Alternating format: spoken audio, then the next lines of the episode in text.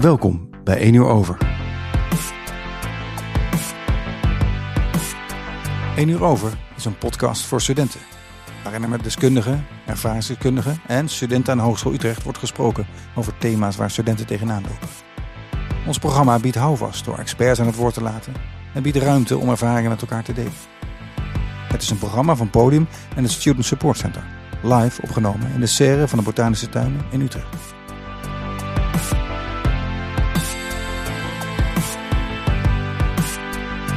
Vandaag gaan we het hebben over toekomstkeuzes. We staan voor en tijdens onze studie voor een woud aan keuzes. Wat wil ik later worden? Heb ik wel de juiste studie gekozen? En in wat voor soort omgeving kom ik tot mijn recht? En hoe word ik gelukkig? Deze en heel veel meer vragen kunnen ons doen twijfelen of we op de juiste weg zitten. En veel studenten worstelen hier dan ook mee, of lopen zelfs vast. En dat in een tijd waarin de druk juist enorm is om je studie in vier jaar af te ronden, ook financieel. Er lijkt dus geen ruimte en tijd voor een pas op de plaats.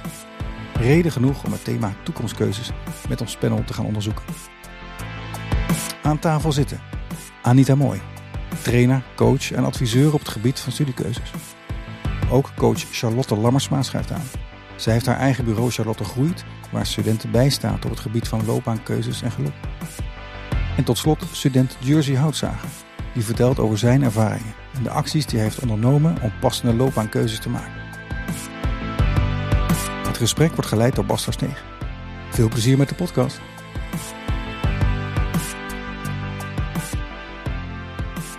Welkom allemaal bij 1 uur over toekomstkeuzes. Als mij zitten drie gasten en ik ga jullie allemaal eventjes af. De eerste gast is Anita Mooi, uh, studiekeuze en loopbaanadviseur bij de HU. En ik ben best benieuwd, toen jij nog student was, struggelde jij toen met uh, studie- of loopbaankeuzes? Ja, ik struggelde. Ik, dus ik heb tot uh, diep in het tweede studiejaar getwijfeld. Ook, ik dacht ook met mijn propedeuse ga ik naar de universiteit. Ik heb me ook georiënteerd. Um, en elk, telkens kwam ik weer terug bij journalistiek. En toen heb ik uh, halverwege het tweede jaar gesproken met een docent of een SLB'er. En die zei van, wat wil je nou in die journalistiek? En toen heb ik mijn verlangen kenbaar gemaakt, nou daar zou ik naartoe willen. En toen hebben we gekeken van, wat kan ik dan binnen de studie met stage, met, uh, ja, met stage was het vooral. Nu heb je ook nog minor, in mijn tijd was dat niet, maar dat was ook geweldig geweest. Dus toen heb ik dat wat ik wilde, want het had wel raakvlakken, heb ik wat in die studie ondergebracht. Ja. En uh, ja, toen ben ik nog verder gaan studeren. Dus ja, ja een master gaan doen. Nou, fijn dat jullie begeleiding er ja, uit bent gekomen destijds. En Ja. ook heel fijn dat je vandaag aan tafel zit. Hiernaast Charlotte Lammertsma, uh, levens, of, nou, coach bij levensvragen vanuit het humanisme. Dus jij bent humanisticus. Ik ben best wel benieuwd, kun je kort uitleggen wat dat betekent? Goeie vraag. Um, ja, een humanisticus heeft humanistiek gestudeerd, dus dat uh, studeer ik ook nog steeds. Ik ben nog steeds bezig met mijn master, die duurt ook drie jaar. En uh, daar leer je over zingeving en humanisering. Uh, waarbij zingeving gaat over hoe leid je nou een goed leven en wat is voor mij een goed leven. Um, en hum humanisering, dat gaat eigenlijk over hoe je de, de samenleving wat menselijker kan inrichten. Nou, dat klinkt, dat klinkt heel mooi. En ook veel fijn dat je er bent om vanuit, ook vanuit je eigen expertise te delen over dit onderwerp. En naast Jersey, student, uh, derdejaarsstudent, Life Sciences. Yes, helemaal goed. Ik ben heel, jij gaat vandaag meepraten vanuit je eigen ervaringen. Waarom vind jij het belangrijk om mee te praten? Ik heb zelf in het verleden heel veel gestruggeld met uh, welke kant wil ik nou precies op? Wat wil ik nou uh, in de toekomstkeuze doen? In eerste instantie hele eenvoudige vragen waar elke student tegenaan loopt. Um, van, wat wil je voor baan? Welke opleiding ga ik doen? Wil ik misschien iets in techniek of toch iets in de zorg? Um, en dat breidde zich eigenlijk steeds meer uit naar echte levens, uh, grote levensvragen. Van, wil ik eigenlijk wel een baan? Wil ik het standaard leven leiden? Of wil ik toch misschien iets anders gaan doen? Op ontdekkingsreis? Of juist niet meedoen in de maatschappij en juist heel minimalistisch leven? Um, en daar heb ik een heel avontuur meege meegemaakt. En dat hoop ik over te kunnen dragen uh, naar mensen die daar nu uh, in zitten. Nou, super fijn dat je er ook bent en vanuit je eigen ervaring dingen gaat delen over hoe dat proces bij jou is gegaan. Um, ik heb eigenlijk een eerste vraag voor jullie experts. En dat is, waarom denken jullie dat veel studenten of mensen uh, ja, struggelen met, het keuze, met keuzes maken? Ik spits hem, uh, nou, jullie mogen allebei antwoord geven, maar misschien kan jij eerst beginnen. Mm, ik denk iets wat sowieso meespeelt is dat eh, vroeger, zeg maar in de tijd van onze opa's en oma's, eh, lag het misschien iets meer voor de hand wat je ging doen later. En ehm, was de keuze ook veel meer beperkt. Uh, ik denk dat misschien toen in het milieu waar je opgroeide, was het ook moeilijker om zomaar uh, zeg maar die sociale ladder te beklimmen, sociaal-economische ladder. Um, en ik denk dat je toen misschien ook wat duidelijker kaders had um, ja, over wat je belangrijk vindt. En uh, ja, misschien dat mensen daardoor ook gewoon wat minder nadachten over wat ze wilden. En nu leven we in een ja, geïndividualiseerde samenleving waarin um, het idee eigenlijk veel meer is van, nou, je bent zelf verantwoordelijk voor een goed leven. Um, en tegelijkertijd zijn er nu ineens ook veel meer mogelijkheden. Dus als er zoveel mogelijkheden zijn en je bent ook nog zelf verantwoordelijk om te kiezen, ja. dan kan het best wel lastig worden. En dan kan je best wel een soort van overspoeld voelen door al de ja. keuzes die er dan zijn. En misschien denk je van oké, okay, er zijn zoveel opties, dus dan zal er wel een perfect iets tussen moeten zitten. En het is aan mij om dat te kiezen. Dus als ik dan verkeerd kies, is het helemaal mijn eigen, is het heel erg, ja, het is wel heel vervelend als dat gebeurt. Ik ben heel benieuwd Anita, want um, jij spreekt veel studenten die dus uh, te maken hebben met keuze, uh, die vastlopen ergens te maken van een keuze. Wat voor, ja, wat merk je bij studenten wat er, um, waarin ze vastlopen in dat keuzeproces? Ja, nou, ik wil nog eventjes reageren ja. ook op wat jij zei. Want um, in, toen ik ging studeren, uh, waren er ook wel, waren er ook al veel keuzes. En ik, ja, ik stuurde ook, dacht van ik kan ook een andere studiekeuze doen. Maar er was niet zozeer heel veel stress, ook niet onder mijn medestudenten. En dat heeft volgens mij ook te maken dat het nu allemaal veel zichtbaarder is. Al die keuzes zijn veel zichtbaarder. Uh, ook door internet kun je veel beter zien van wat is er allemaal. Uh, je ziet alle verhalen van wat mensen doen. Dus ik denk dat dat een factor is die heeft gezorgd dat er niet alleen meer keuzemogelijkheden zijn, maar dat, dat die stress ook daarin is toegenomen. Ja. Ja, ja. Stress en overschot van opties. Ja, precies. Ja. ja. En uh, ja, stress om inderdaad uh, om ook mee te doen aan die successen die anderen delen. Ja, ja. dat je daardoor laat beïnvloeden. Ja. En jouw vraag was de, wat ik zie bij studenten? Ja, zijn er waar in het keuzeproces bij studenten loop, ja, uh, merk je dat veel studenten vastlopen? Um, is het aan het begin of is het door, ja, hoe, ja. Ja, in, mm, wel vaak wat meer aan het begin. Okay. Um, je bedoelt aan het begin van het keuzeproces? Van, ja, van, okay. uh, ja, ik spreek studenten als ze al begonnen zijn. Uh, dus dan hebben ze, uh, dus ze zijn al ingeschreven, ze zijn begonnen met de studie. Ja. En dan zie je vaak al dat na het eerste blok, zo na de herfstvakantie, de eerste twijfels toeslaan. Ja. Dus dan hebben ze al wat ervaren van het onderwijs. En Vaak is er ook al een twijfel, was er altijd al een twijfel toen ze begonnen. Um, maar de meeste studenten die ik spreek, ja, die lopen toch in dat eerste jaar uh, uh, ja, vast. Ja. Of, uh, door twijfel dan.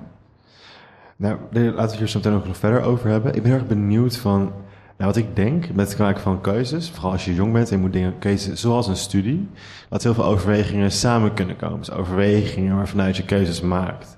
En soms kan het denk ik best wel moeilijk zijn om te weten van, oké, okay, ik, heb eigenlijk, ik maak deze keuze uit meerdere overwegingen, maar naar welke luister ik nou? Dus ik ben best wel benieuwd, misschien um, in het geval van ja, jouw voorbeeld dat je net noemde, dat studenten in het begin van het jaar een beetje struggelen met, weet ik dit nou wel, wat zijn dan overwegingen vanuit jij merkt dat veel studenten keuzes maken?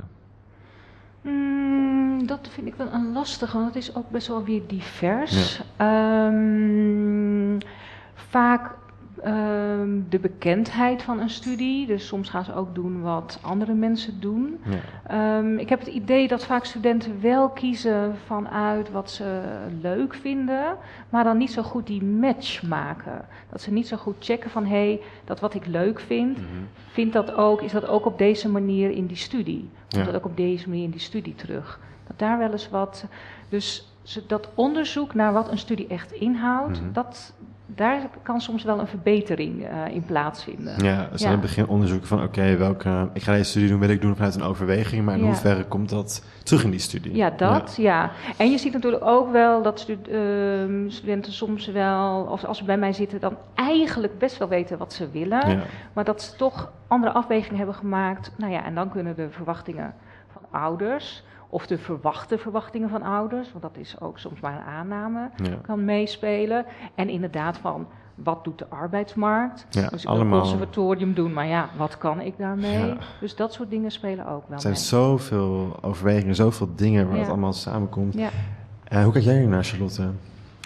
Ja, ik herken dat wel. Ehm, wat ik wel zie is dat studenten vaak, of studenten, jongvolwassenen misschien in het algemeen, wel eh, vaak op zoek zijn naar wat ze leuk vinden. En dat ze dat vaak ook gewoon een moeilijke vraag vinden. Ja, Ehm, en daar hadden het. eh, ik was bij een vorige tafelgesprek over FOMO er ook bij. En toen hadden we het daar ook een beetje over van hoe voel je nou wat je echt zelf leuk vindt. Ja. En hoe voorkom je eigenlijk dat je wordt meegetrokken in wat iedereen doet. Of ehm, ja, wat, eh wat ook hoe blijf je bij je eigen overweging? Ja. En, hoe, en, hoe, en ook, hoe maak je de keuze om ehm, te kiezen uit welke overweging je het belangrijkst vindt? Ja, precies. Ja, er zijn natuurlijk ook zoveel dingen die meewegen. Jij noemde er ook al een aantal. En ehm, ja, hoe weet je nou waar je op af moet gaan? Want inderdaad, als je iets heel leuk vindt, maar het is best onzeker of je daar een baan in krijgt, Ja. dan eh, ja, kan dat best wel spannend zijn om daarvoor te kiezen. Ja. Ja. Heb je misschien ehm, alvast een soort handvat of iets ehm, om een keuze te maken uit welke overweging je het belangrijkst vindt? Of hoe weet je dat nou eigenlijk? Of, is het, of, of kun je het niet weten, omdat die overwegingen kunnen ook later nog gaan wisselen, bijvoorbeeld?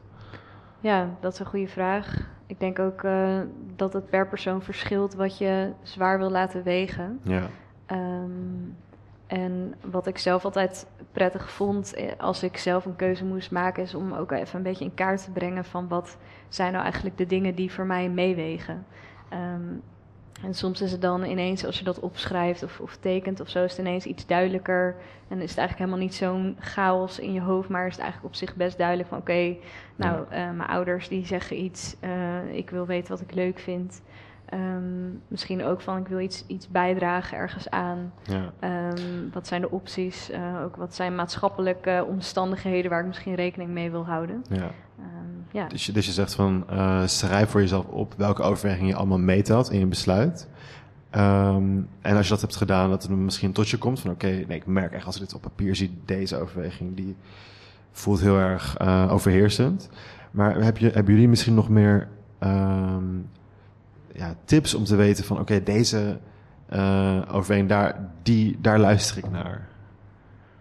Hmm, ja, is, ik sluit me eigenlijk aan bij jouw verhaal. Eh, ik heb, ja, een belangrijke factor vind ik tijd. Dus neem echt de tijd om dat, dit echt te onderzoeken. ja. En zorg dus ook echt voor ruimte en rust. Eh, Dus je kunt ook zeggen van ik ga gewoon een bepaalde tijd wat minder mensen volgen. me minder door die maatschappij en door wat anderen misschien verwachten eh, te laten afleiden. En dan ergens horen van wat, wat, wat borrelt er nou in mij op? Wat, zegt, wat zeg ik nou eigenlijk? Wat is nou mijn stem hierin? ja. En eh, dat schrijven, je kunt ook elke dag tien minuten beginnen met schrijven. En dan kun je steeds die vraag nemen van wat zijn mijn verlangens? Hoe wil ik, ja, wat, wat wil ik nou eigenlijk? Ja. Dat je steeds een soort vraag neemt en daar ga je gewoon eens tien minuten over schrijven elke ochtend. Ehm, ga naar de botanische tuinen, laat je gewoon eventjes tot rust komen. Want ergens moet al die prikkels die je steeds binnenkrijgt en al die gedachten die maar rondmalen, die moeten ergens ja. ergens tot rust komen, wil je zelf kunnen denken over wat je zelf voelt en wilt. ja. Dus het is ergens op een gevoelslaag spelen keuzes af. En daar moet je dan dus wel bij kunnen komen door een beetje ja, die Ja. verstilling te zoeken. Ja, ja, verstilling te zoeken. Ja, Ja. ja, Eh, en lekker het voor jezelf opschrijven. En je dus die vraag eh, misschien vaker stellen. ja, ja.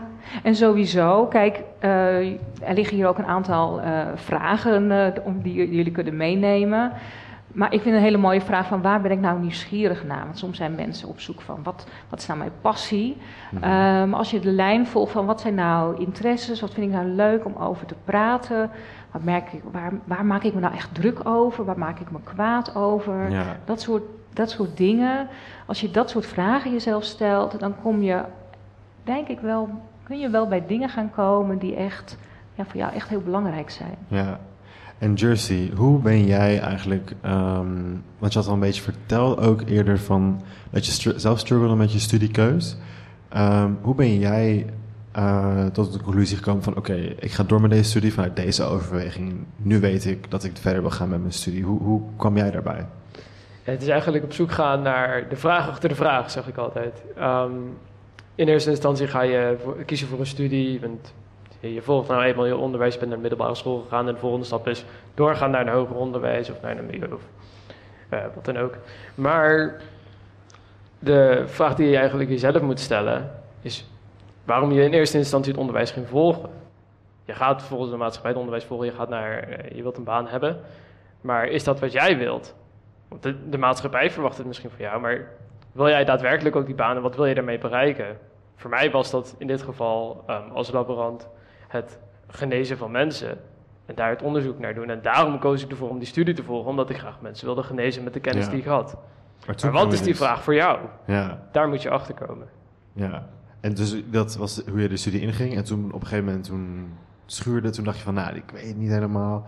En toen heb je dus voor jezelf die vraag op jezelf toegespitst dus. Ja, ja precies. Dat is inderdaad um, ook meer wat, wat we Anita net noemden van die inhoud van die studie. Je, je, je gaat daar een open dag en het ziet er allemaal heel gaaf uit. Ja. Maar het blijft altijd een beetje oppervlakkig, want ja, je hebt geen kennis. Je, je kan niet tot in de punt precies zeggen, oh hier ging het over of daar ging het over. En naarmate je steeds meer leert, um, krijg je een beter beeld van wat nou eigenlijk precies die baan is, waar, wat, die, wat die studie inhoudt. Ja. En dan gaat het soms toch wel eens schuren. En dat is juist het lastige in het begin om goed een beeld te krijgen van ja, wat kies ik nou precies? Ja. Heb je nog iets uh, hier aan, uh, toe te voegen over hoe je erachter komt, welke overweging je, uh, je daarvoor kiest? Ja, um, nou, ik herken me sowieso wat jullie allebei zeggen. Ik hoorde jou ook zeggen van een stukje verstilling of bezinning. En ik denk dat dat een heel belangrijk onderdeel is. En eerder zei je ook al eigenlijk het verzamelen van informatie. En het echt goed onderzoeken van je opties. Um, ik denk dat dat beide gewoon belangrijk onderdeel is van dat proces. Dat ten eerste moet je een soort zelfonderzoek doen van hé, hey, wie ben ik eigenlijk? En uh, wat, wat wil ik inderdaad bereiken? Wat wil ik toevoegen? Wat vind ik leuk? Waar word ik blij van? dat soort vragen. Um, en dan vervolgens inderdaad je, je opties onderzoeken. En dan op een gegeven moment ook dat daarin een soort van overweging laten plaatsvinden van oké, wat, wat past dan?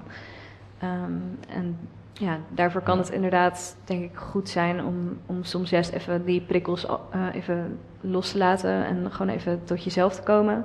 En tegelijkertijd kan denk ik de buitenwereld je ook onwijs inspireren. Um, dus soms dan merk ik dat studenten of jonge mensen op zoek zijn naar een soort ja, inspiratie of een soort um, van waar, waar moet ik nou zoeken. Um, en dat lijkt dan soms heel moeilijk of heel ver weg, maar ja, iedereen heeft een netwerk en jouw, mensen in jouw netwerk hebben ook weer een netwerk. Dus uh, um, ja, in die zin, als je echt goed om je heen kijkt en je kijkt bijvoorbeeld op LinkedIn of op Google of in het nieuws, of, dan zijn er zo dingen die jou kunnen aanspreken. Ja. En uh, jij zei volgens mij ook al eerder van, um, nou ja, voel ook wat, wat, wat je aangrijpt of zo, of wat je raakt. En ik denk dat dat ook een mooie is om vanuit te gaan. Dat je om je heen blijft kijken en je ogen en je oren open houdt. En bij jezelf nagaat van, hé, hey, wat, wat raakt mij nou? Ja, ik denk ook, uh, voordat je uh, dat allemaal weet, dat het ook heel erg... Uh, je hebt het net al een beetje, u hebt het net al een beetje over gehad. Dat het heel erg belangrijk is om ook te weten wat zijn mijn interesses en wat zijn mijn eigenlijk mijn idealen hier ook bij komen kijken. Wat zijn mijn idealen? Wat voor overwegingen maak ik en die kunnen afkomstig zijn vanuit het ideaal en je interesses. Ja. Um, maar hoe weet je nou wat je interesses en idealen zijn? Want je hebt net al, je zijn net al een paar vragen die je zelf kan mhm. stellen. Uh, ik een soort van, als je wilt onderzoeken, oké, wat zijn dan mijn interesses, wat zijn mijn idealen? Hoe kan je daar uh, wat heb je nodig om erachter te komen? Stel ik aan jullie allebei. nou ja, ga maar. Ga, wat doe je de hele dag? Dus als je, als je niet naar uh, studie hoeft of niet hoeft te werken, wat ga je dan vanuit jezelf doen? Ja. Uh, welke vlogs lees je of luister? Waar luister je naar? Uh, luister je naar podcasts? Welke onderwerpen zijn dat dan? kijk, je, lees, ja, kijk je naar films? Wat voor soort films zijn dat dan? Uh, als je met mensen praat, wat voor thema's vind je dan interessant? Uh, uit al dat soort dingen, als je hobby's hebt, welke hobby's zijn dat en wat vind je daar leuk in? Wat geeft dat voldoening? Met welke mensen vind je het leuk om te zijn, om te praten? Bij wie voel je je op je gemak? Ja, dat zijn een goede. Dat ja. zijn allemaal, eh, als je al die vragen stelt, dan kom je echt wel ergens bij iets waar je interesse ligt. Ideaal kan wat groter zijn. Ja. Je zou je zelfs kunnen afvragen: wat zou ik nou doen als ik niet afhankelijk straks ben van geld? Als ik genoeg geld heb, wat zou ik dan vanuit mijzelf in de wereld willen zetten? Ja. En hoe kijk jij naar, Charlotte, om erachter te komen? Dit zijn hele fijne, goede vragen die je zelf kan stellen. Ik denk dat je hier achter een heel eind mee komt. Maar misschien vanuit humanistisch perspectief, eh, Ja. wat je kan doen om erachter te komen, wat is je interesse en idealen nog meer zijn? Of, Ja, ik denk dat we lekker op dezelfde lijn eh, liggen. Ja. Eh, ik zou inderdaad ook zeggen van, eh, je hebt gewoon al best wel veel ervaring gewoon in het leven. ja. En de een natuurlijk meer dan de ander. Eh, maar je hebt gewoon al wat ervaringen opgedaan met, weet ik veel, bijbaantjes. Of inderdaad, eh, nou ja, wat jij zegt, eh, films, gesprekken, wat dan ook. En dan om dan bij alles eens even te onderzoeken van... oké, maar welk aspect daarvan is dan hetgene wat mij aanspreekt? En wat, wat wekt mijn interesse dan zo? Eh, en ook om misschien eens te observeren door de dag heen. Van inderdaad, wat ben je aan het doen? En bij welke activiteiten vergeet je nou de tijd? Bijvoorbeeld, heb je het zo, zo leuk, zo naar je zin... dat je gewoon even lekker helemaal erin opgaat? Wat zijn dat dan voor dingen? Ehm, ja. en dat kan je iets vertellen over je interesses... maar dat kan je soms ook iets vertellen over de ja, soort manier waarop je graag werkt. Dus bijvoorbeeld als je van jezelf weet van ik laat helemaal van op om de hele tijd met mensen om me heen te zijn. Dan is het misschien leuker voor je om te gaan werken in een team of, of met mensen om je heen dan in je eentje achter een laptopje te gaan zitten de hele dag. ja. Dus dat soort kleine dingetjes. Mooi. Ja, alleen maar dat ook heel fijn. En als je het voor jezelf opschrijft. Want soms kan het zo voelen als zo overweldigd en rommelig in je hoofd. En als je het opschrijft, kan het al volgens mij echt heel veel duidelijkheid bieden. En fijn, die vragen die je net ja, die je nu opnoemt. Want dan, ja, Ja. dan kan je dat eh, opschrijven voor Ja, jezelf. schrijf het alsjeblieft op. Ja. Ja. want dan komt er pas weer wat ruimte om daar wat creatief mee om te gaan en wat verbanden te gaan leggen. Ja, Of een inspiratieboek kun je ook maken door inderdaad mensen die je hebt ontmoet, om daar eens wat over op te schrijven, Ja. dingen die je hebt gehoord. Ja. En, eh, of te tekenen, wat, wat jouw expressievorm ook maar is. Ja. Ja, tekeningen, lijstjes, moodboards. eh, Ja. je kan gewoon LinkedIn afscrollen bij mensen die jou aanspreken, die iets interessants doen waarvan je denkt, wow, eh, hoe zit dat? Of zo. Gewoon eens kijken van wat hebben zij dan gestudeerd of wat voor werkervaring hebben zij en ja, welke organisaties horen daarbij. Ja. Of eh, pak een stapel tijdschriften en knip alles uit wat jou aanspreekt. En ja. dan, En weet, de dan... tijd, de tijd ook even daarvoor nemen. Want het klinkt misschien, misschien dat je dat niet zo snel uit jezelf zou doen. Je zegt van ja, ik heb Hmm. iets anders te doen. Of het klinkt niet zo...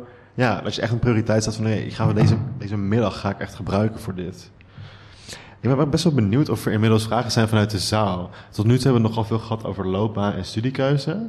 Misschien is er, leeft er in de zaal nog een vraag over een ander onderwerp. Als dat zo is, loop naar voren en eh, stel je vraag. Nou, op een van de blaadjes stond net van eh, hoe weet ik nou wat mij gelukkig maakt qua opleiding? Hoe weet ik nou of een opleiding van beroep mij gelukkig maakt? Ik dacht misschien is aanvulling, zit daar nog iets in qua geluk? Eh, of- of je daar rekening mee kan houden in keuzes en hoe doe je dat? Ja, mooie vraag. Ja, geluk. Ik vind dat altijd een eh, interessant en ook een beetje een ingewikkeld woord, geluk. Want wat is dat dan? En mm, in het Engels zou je misschien zeggen happiness. En gelukkig of happy of zo heeft ook iets in zich van een soort blijheid. Maar blijheid is ook weer meer een soort van emotionele staat die vaak niet de hele tijd blijft of zo. Eh, dus het is iets wat dan soms opkomt en dan ook weer afneemt. Ehm, en nou er zijn allerlei theorieën over geluk. En je hebt bijvoorbeeld ook een vorm van geluk, en dat heet eudaimonia. En dat is een vorm van geluk die niet eh, alleen dat soort kortstondige gevoel van blijdschap is, maar meer een soort eh, dieper vervullend gevoel. ehm, waarin zingeving dus ook een rol speelt. En eh, nou ja, daar leer ik natuurlijk op mijn studie van alles over. En eh, als je het hebt over zingeving, zijn daar ook weer allerlei theorieën over. En daar zijn een aantal aspecten die daarin een rol spelen. Misschien nog wel even een korte vraag tussendoor. Zingeving, wat, wat betekent dat eigenlijk? Ja, wat is dat eigenlijk? Hè? Ehm, ja, zingeving. Dus het gaat over wat eh, geeft mijn leven zin of hoe geef ik mijn leven zin.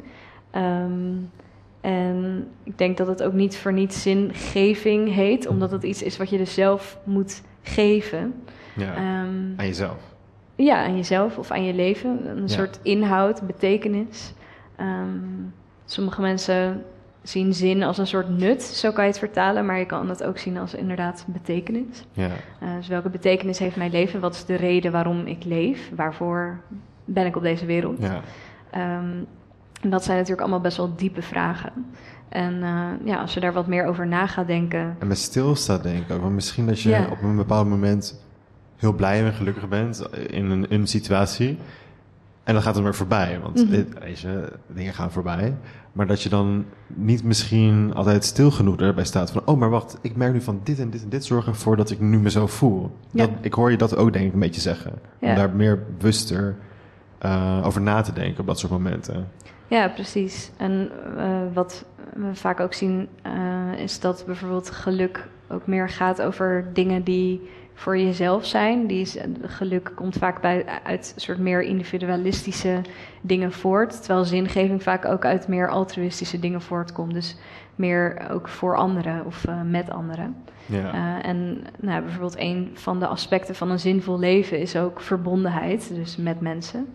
Eh, en een ander aspect is bijvoorbeeld transcendentie, dus dat gaat over het, het overstijgen van iets. Dus dat kan zijn het overstijgen van het dagelijks leven, dus iets wat belangrijker is dan alleen je eigen kleine wereld. ja. Eh, of het overstijgen van, van jezelf, dus dat je voor, eh, ja, aan een groter geheel iets bijdraagt.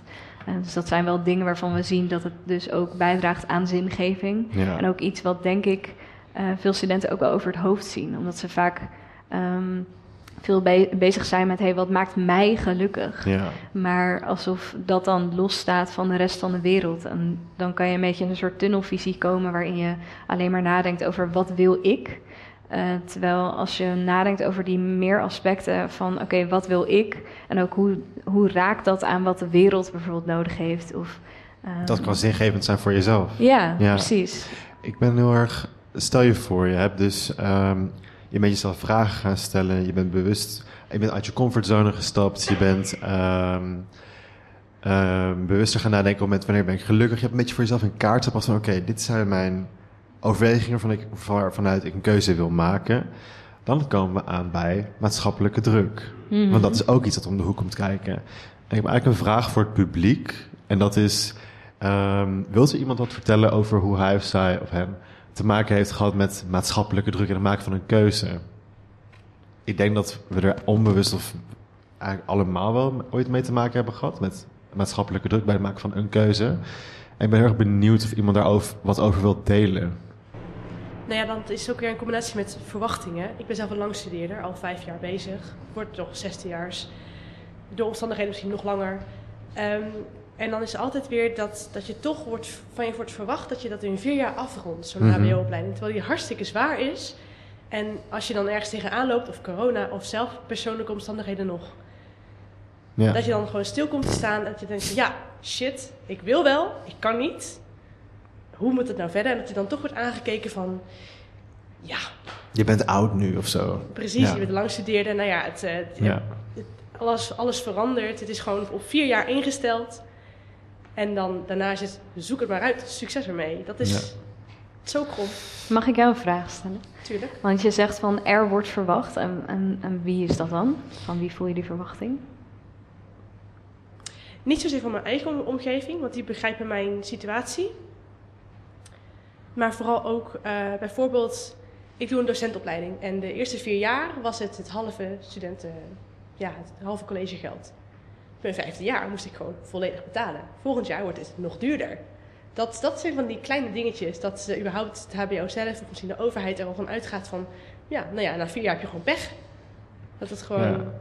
niet Ja. is ingesteld op langer erover doen. Ja, dat is zeker iets ook dat eh ongetwijfeld meespeelt. Maar ook eh, afstuderen wanneer je ouder bent dan de norm of zo. Dat is ook zo'n Mhm. zo'n eh, druk die er is. Ja, Of hoe, ik- of hoe kan je hier naar kijken vanuit een lens waardoor het allemaal wat minder zwaar voelt? Ja. ja, dat is een goede vraag. Ik weet ook niet of ik daar een antwoord op heb. Ehm, want ik ervaar dat zelf ook. Eh, ja, jij zegt langstudeerder. Ik uh, ga straks, of ik ben uh, nu zeven jaar aan het studeren en ik ga mijn achtste jaar in. Dus ook gewoon omdat mijn studie heel lang is, maar ook omdat ik er langer over heb gedaan. Ja. En dat zal ook te maken hebben met dat ik ook ben gaan werken tijdens mijn studie. Dus daardoor ging het ook wat, wat trager, want dat was gewoon best veel. Maar ik heb ook ADHD, dus dat is ook, nou ja mensen die dat ook, ja, ik zie al wat herkenning, dat, dan gaat het ook niet altijd even soepeltjes. Um, en dan voel je gewoon die financiële druk. En dat, dat herken ik wel. En dat is gewoon moeilijk om onderuit te komen. Dat je, ja, je moet toch elk jaar uh, geld inleggen. Sowieso natuurlijk collegegeld. Um, en als je op jezelf woont, dan uh, zou je ook geld moeten lenen. Dat moet ik ook. Dus ik weet ook dat elk jaar dat ik er langer over doe, uh, wordt het ook duurder. En dat, ja, dat brengt wel een bepaalde druk met zich mee. Ja, dat is zo.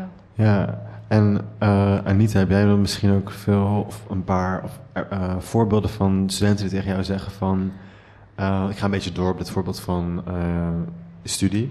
Dat, je, dat er momenten zijn die zeggen van oké, okay, in het derde of een tweede jaar van mijn studie kom ik achter, wacht, dit is echt niet wat ik wil. Mm -hmm. Maar goed, ik, het weerhoudt me om dan een studie te gaan doen die ik wel leuk vind, omdat als ik afstudeer ben ik te oud. Mm -hmm. Wat zeg jij tegen mensen die ja, hiermee komen uh, bij jou? Ja, bevragen van wat, wat is dan oud en wat betekent dat dan? Uh, vaak gaat het ook over dat, dat er dan zo'n groot verschil lijkt te zijn tussen iemand, uh, ja, dan ben ik al 22 en dan zit ik met 17-jarigen in de klas, ja. of ik ben dan te oud voor de arbeidsmarkt. nou, volgens mij speelt dat helemaal niet zo in de arbeidsmarkt. Misschien maar hele, hele specifieke beroepen waar ze heel graag hele jonge mensen willen hebben om te kneden. Maar ja, van wil je daar dan precies zitten? Ja. dat soort uh, beroepen. Um, dus ik denk niet dat het zozeer op de arbeidsmarkt heel erg speelt, maar ik denk dat het inderdaad meer is bij jezelf. Ja. Oh ja, en vergelijken is echt een recept om heel erg snel ongelukkig te worden. Dus ja. ga jezelf niet vergelijken. En toen ik ging studeren, ik was 17, kwam kerstvers van de HAVO. En in mijn uh, jaar, in het eerste jaar, zat een uh, man van 27. Die had, nou, volgens mij één, ik weet niet of hij al studies had gedaan, maar hij had al allerlei dingen gedaan. En je zag dus bij hem dat hij als een speer door die studie ging, heel goed wist wat hij daar dus wilde, omdat hij al wat ouder was. En dus ook, ja, hij start al op de arbeidsmarkt. En ja, hij heeft een hele mooie carrière daarin toegemaakt, omdat hij gewoon heel, al, heel goed wist wat hij wilde. Dus dat kan ook echt een voordeel zijn. Alleen je moet daartegen soms ook tegen je eigen vooroordelen uh, ja, aan uh, ja, vechten. Ja, is er misschien een manier hoe je hier naar kan kijken, waardoor het wat minder, waardoor die druk wat minder wordt? Dat je denkt van, dat je wat minder baalt ook misschien. Je kan ook zo van jezelf balen als je er naar achter komt van tijdens je studie van, oh, dit is toch niet wat ik wil, ik heb toch de verkeerde keuze gemaakt. Je kan ook zo balen van jezelf. En mm, yeah. ja, hoe kan je hier naar kijken waardoor het wat minder kut voelt? Oh, oké. Okay. Ja, nou, kijken naar alsof jij, uh, alsof jij naar een goede vriend of vriendin kijkt. En wat zeg je dan tegen die persoon? Dan ga je ook niet zeggen, oh, je bent echt een loser ja. dat je zo'n stomme keuze hebt gemaakt. Ja. Dus bekijk met, met een milde blik ook naar jezelf. Ja. Um, soms lopen dingen niet zoals je het wilt. Het is ook gewoon, er zijn ongelooflijk veel mogelijkheden. En je verandert. Dus ook die, die eerste keer dat je gaat studeren en na twee jaar ben je al ontzettend veranderd in je interesses en ook hoe je bent. Want je ontwikkelt je ontzettend snel in deze, ja, gewoon tussen je 17e en je 25e. Ja. Dus ja, dus je, je verandert ook en dan moet je daar ook op weer aanpassen. En dan kan het zijn dat je erachter komt, hey, deze studie is het niet helemaal. Nou ja, dan kun je binnen een studie vaak nog wat bijsturen. En ik zeg ook wel soms tegen tweede, derdejaars, uh, die dan, ja, op een gegeven moment merk je gewoon zelf van ik moet nu echt stoppen. Ja. Het gaat gewoon echt niet. Als je geen. Kijk, over geluk hadden we het net. Um, je hebt in werk en studie heb je het begrip flow. Dus dat gaat niet alleen over gelukkig zijn, maar dat gaat over dat je uitgedaagd wordt. Maar dat je ook de competentie over je, ja, je voelt dat je over de competenties beschikt om het te kunnen. Um, en je wordt uitgedaagd en je vindt het interessant wat je doet. Ja. En er zit ontwikkelingsruimte. Nou, dat moet je ergens voelen in, in studie en ook in werk. En als je merkt van hé, hey, dat is er allemaal niet, ja, dan is het tijd om je keuze te overwegen. Ja. ja. Het is makkelijk om te zeggen, vergelijk jezelf niet met anderen. Maar dat is erg ingewikkeld. Ja, goed, jij, hoe kijk jij daarnaar? Mm, ja, zeg altijd, vergelijk jezelf niet met anderen. Ehm, Maar doe dat maar eens als je op social media scrolt en alles ziet voorbij komen. Ja, nou ja, ehm, als je echt merkt dat eh, je jezelf vergelijkt met mensen en dat dat je helemaal niets oplevert, dan kun je inderdaad ervoor kiezen om misschien diegene niet meer te volgen. Ja. Ehm, dat is heel simpel. Maar je kan ook kijken van, stel je vergelijkt jezelf met iemand en je merkt een bepaalde mate van jaloezie, dan kan dat soms je ook iets vertellen. Ja. Dus soms zegt dat misschien iets over wat je belangrijk vindt. Ja. En ehm betekent niet dat je precies hetzelfde moet gaan doen, ehm, maar ja, je kunt je dan wel afvragen van, oké, welk aspect daarvan zou ik dan ook graag willen? En op welke manier is dat voor mij haalbaar? En ook eh, geloof ik erin dat ik me kan ontwikkelen. Ik ben eigenlijk heel erg benieuwd, eh, wat zouden jullie allemaal nog willen meegeven aan het publiek? Vanuit jezelf. Ik, eh, ja, wil jij beginnen?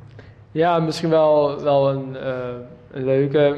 Ehm, bekijk eens op het moment waar je nu staat. Want je, je krijgt heel veel informatie en je bent nu bezig met toekomstkeuzes. Ehm, ik wil dit, ik wil dat en, eh, over 20 jaar, over 30 jaar. Maar kijk nou eens waar je nu staat. Wat heb ik nu? En ehm, wat is dat mij waard? En vraag je dan eens af van, oké, waar wil ik naartoe? En 9 van de 10 keer zul je tot de conclusie komen dat je eigenlijk... Als je blijft zitten op het punt waar je nu zit, dan gebeurt er sowieso niks. En dan blijf je met de dingen zitten waar je nu mee zit. En als je er niet tevreden mee bent, neem die stap dan. Ehm, ga eens eens een keer iets geks doen. Of, of neem die keuze die je misschien leidt naar iets wat je leuk zou vinden. Maar in ieder geval, als je tot de conclusie komt dat hetgeen wat je nu doet niet werkt, probeer dan eens iets anders uit. Stil Ja. blijven is geen optie. Ja, dus ook kom uit je comfortzone, stap het café Ja. in. Dat is ook wat je zegt. Precies. Ja, en jullie? Mm, ja, ik denk aan de ene kant heel goed om inderdaad actie te ondernemen als je, als je vastzit. Ehm, en ook, eh, eerder hadden we het ook al een beetje over een stukje zelfcompassie. Jij noemde ook heel mooi van, kijk eens naar jezelf alsof je naar een vriend of vriendin zou kijken. En wat zou je dan tegen jezelf zeggen? En wat zou je jezelf gunnen? Eh, en om eens na te denken over wat, wat je nodig hebt. Welke stap in dat proces is er eentje waar je aandacht aan kan besteden? Ehm, ja, en ook je- om daarin dus mee te nemen van hoe je daar ook een beetje ontspannen in kan blijven. En bijvoorbeeld mensen in je omgeving daarin mee kan nemen. En een beetje de druk van de ketel kan halen op die manier. Ja, mooi. Alright. Nou, ik zou zeggen, en zo meteen is er een lunch, dus mochten jullie nog vragen hebben, kan het allemaal nog eh, aan bod komen bij lunch. Kun je een van de experts aanvliegen. Eh, ik zou zeggen, applaus voor de experts.